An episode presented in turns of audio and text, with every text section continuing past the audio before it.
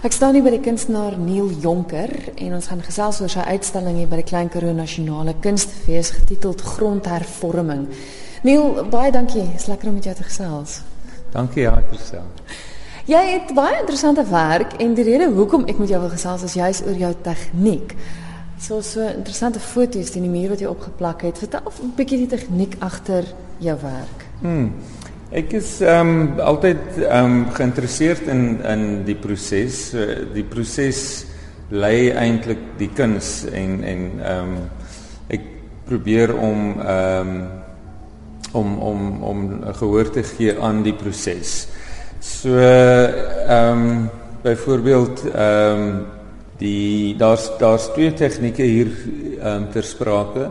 Die een die eerste werk is hierdie groot kop hierso waar ek ehm um, die staal konstruksie met pleister afgewerk het en die pleister het ek herwin vanaf 'n 'n 'n ruïne 'n 'n ou plaashuis waar daar ehm um, die die die moddersteen die ongebakte moddersteen rondgelê het en ek het hierdie goed geoes of weggeneem of hoe en en ek het agtergekom dat dit dit geweldig emosioneel is vir my om hierdie goed nou te vat. Ek weet nie of ek steel nie, ek weet nie of ek wat ek maak nie, maar ek meen die blik val mos uit mekaar uit. So uh, maar ek dink daar was nou seker maar al die memories van die mense wat daar was en so aan.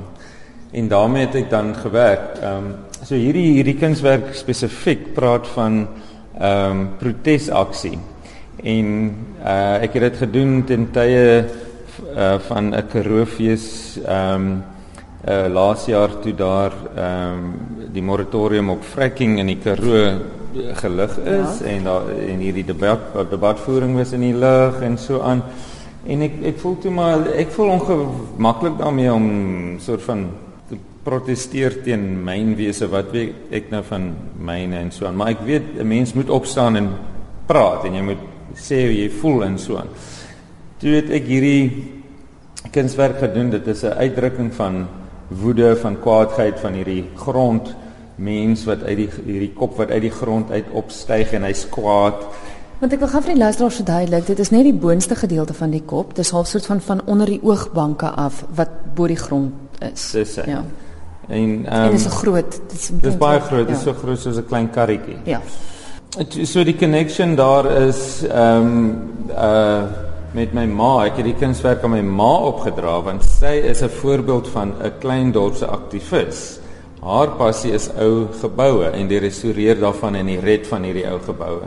So ek het nou die materiaal by 'n ou gebou geoes en ehm um, ek ek probeer nou net sê kyk jy, jy hoef nou nie die die rykste regering in die wêreld aan te vat met jou protesaksie of wat ook al nie. Jy kan in jou eie agterbuur kan jy 'n aktivis wees soos my ma haar hele lewe lank ho hoope geboue gered het en en gehelp het met die eienaar se restaurasie ensovoorts dat die gebou net as deel van erfenis blywend bly. So dit is waaroor daai daai werk gaan. Dit gaan oor ehm um, aktivisme en uh, persoonlik 'n persoonlike vorm van aktivisme. Ek het uh, gesien na een van die ander tegnieke en ek is nie seker of of dit op dieselfde manier gedoen is nie, maar waar jy waar jy alsoort van die kunswerk in die grond uit dolwe en dan die grond teruggooi en dit dan weer uitgrawe. Is dit op dieselfde manier gedoen? Nee, dit is nou die ander die tweede tegniek wat in hierdie grondhervorming uitstalling gebruik word. In kort, wat ek maak is ek grawe 'n gat en vorm 'n denkbeeldige negatiewe vorm van daai beeld in die gat. En dan giet ek nou daai selfde grond weer terug in die gat.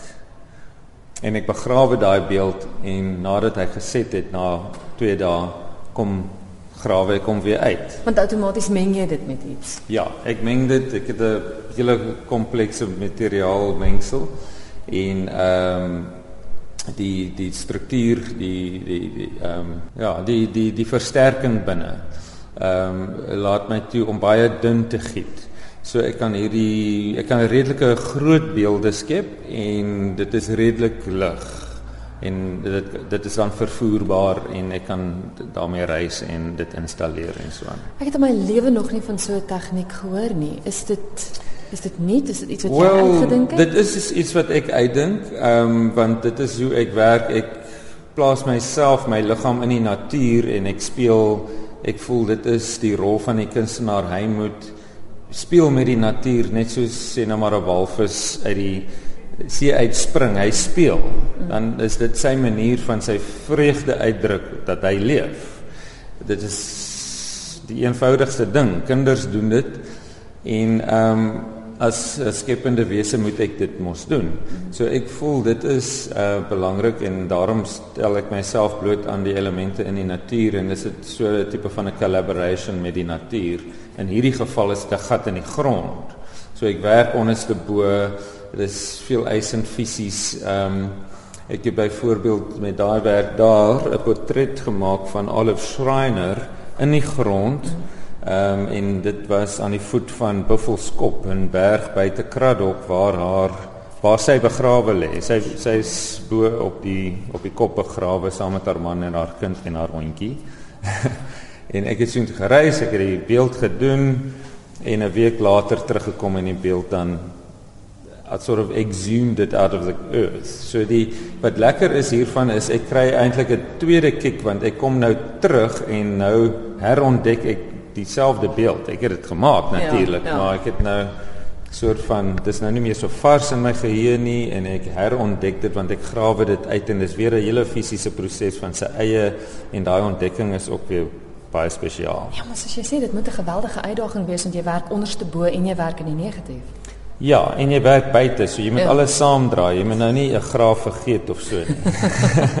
maar nee, dit is dit daar's natuurlik niks niets onder die son nie. 'n uh, Ander beeldhouer vriend van my het uh, vir my uitgewys uh sand casting is 'n groot ding.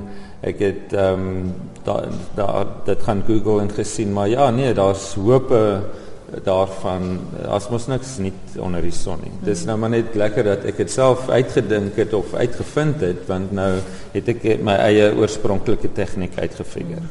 Wel hierdie is maar een gedeelte van jou uitstalling. Jy het ook 'n hele paar beeldhouwerke hier buite en dan skilder jy. Ja, ek skilder die landskap nou geruime tyd, uh 6 of 7 jaar waar ek myself weer eens buite plaas in die natuur op die eeueoue manier, die klassieke manier van skilder. Jy gaan staan daar en jy kyk vir die landskap en jy skilder. En in daai kort venstertjie wat die lig en die weeromstandighede en so voort jou toelaat, skilder jy dan 'n skildery en gewoonlik is dit redelik klein in formaat. Mm.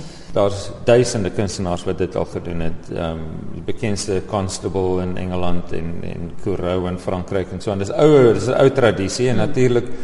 Ehm um, is dit ook 'n manier om 'n bestaan te maak uit my kuns want ek het dit nou in 'n formaat wat dit versamelbaar maak. Ek meen hoeveel Suid-Afrikaners het nie 'n skildery in hulle huis nie. So ehm um, dit is waar ek begin agtergekom het ek is baie prosesgedrewe en dat ek in die natuur moet werk. Maar ek is egter 'n opgeleide beeldhouer en my bronsbeelde getuig daaraan. Ek werk met die figuur En dit is weer eens die klassieke vorm van die die mensfiguur en ek werk met baie emosionele onderwerpe. Dit begin by myself, hoe ek nou voel op daai dag. Byvoorbeeld daar's een waar ek ehm um, te neergedruk gevoel het. Dis 'n baie soort van ehm um, GAT vol gevoel en da, en toe het ek dit verander. Ek het gesien, okay, ek kan 'n tema daarmee maak en en ek het toe die ehm um, beeld die, die baie bekende ehm um, swart en wit pers foto foto van aartsbiskop Desmond Tutu by die ehm um, waarheidskommissie waar hy 'n insinking gehad het het ek daai beeldmateriaal toe gebruik sy ring en kleding en sovoorts in die beeld ingebring om dit dan in 'n ander konteks ook te plaas. Maar dit begin en dit eindig by die emosie. Mm. en so werk ek met die mense figuur in die bronsbeelde en met emosie Hierdie grondwerke wat ek nou doen is vir my baie exciting want dit het my toegelaat om 'n bietjie uh, weg te breek van daai baie eng soort van tradisionele metodes van werk of tegnieke van hmm. werk. En dit het my ehm um, my my hele skepende prosesse almal bymekaar gebring. So dit ek is in die natuur, ek werk buite, dis baie fisies, dis tog beeldhouwerk en ek volg nou maar net my hart en hier het ek nou so 8 maande se werk um, bymekaar gestel en ek loop letterlik in die donker in en ondergrond daarmee en ek weet nie waarheen ek gaan nie en nou pak ek dit goed uit en daar's 'n uitstalling en ek kry baie 'n goeie respons van die mense.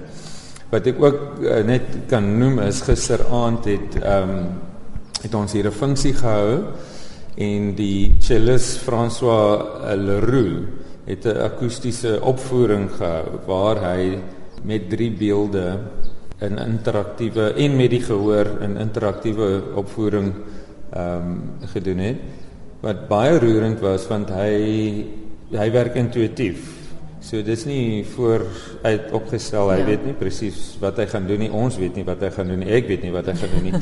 en hy sit by die beeld en hy begin met daai roerende geluide van die cello maak hy die ruimte vol. Die gehoor kon na die tyd beskryf wat hulle gevoel het, wat hulle vertolking was. Ehm um, al drie stukke was heeltemal anders en baie toepaslik aan die kunswerk en ek het geweldig geëer gevoel dat 'n ander kunstenaar in 'n ander dissipline my werk so kan uh, verewig. Ons is nou gesels het kan die luisteraars hoor jy's baie veelsidige man. Uh, waar is jy gestasioneer? Waar kan hulle van jou werk sien? Het jy 'n webwerf? Ja, Google net my naam, daar is 'n webwerf. Ek het uh, dis Neil Jonker, dit sê dat dit is en IEL en ek woon in die Oeverberg. Ek is egter gebore op Oudtshoorn en hier skool gegaan en lank gewoon.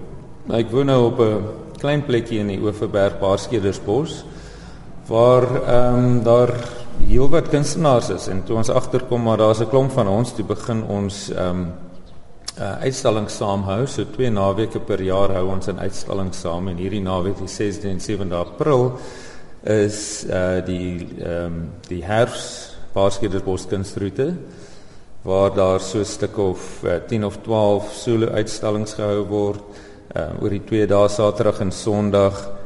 En ehm um, jy kuier aan huis by die kunstenaar, ehm um, besoek sy ateljee en sy werk en beleef die milieu waar die kunstenaar sy ehm um, werk geskep het en hoe hy leef en en waaroor hy gaan. So dis 'n baie spesiale ehm um, geleentheid en vandat ons begin het, ek dink meer as 5 jaar terug, is dit 'n groot hit. Ons kry meer as 2 of 300 mense oor daai naweek.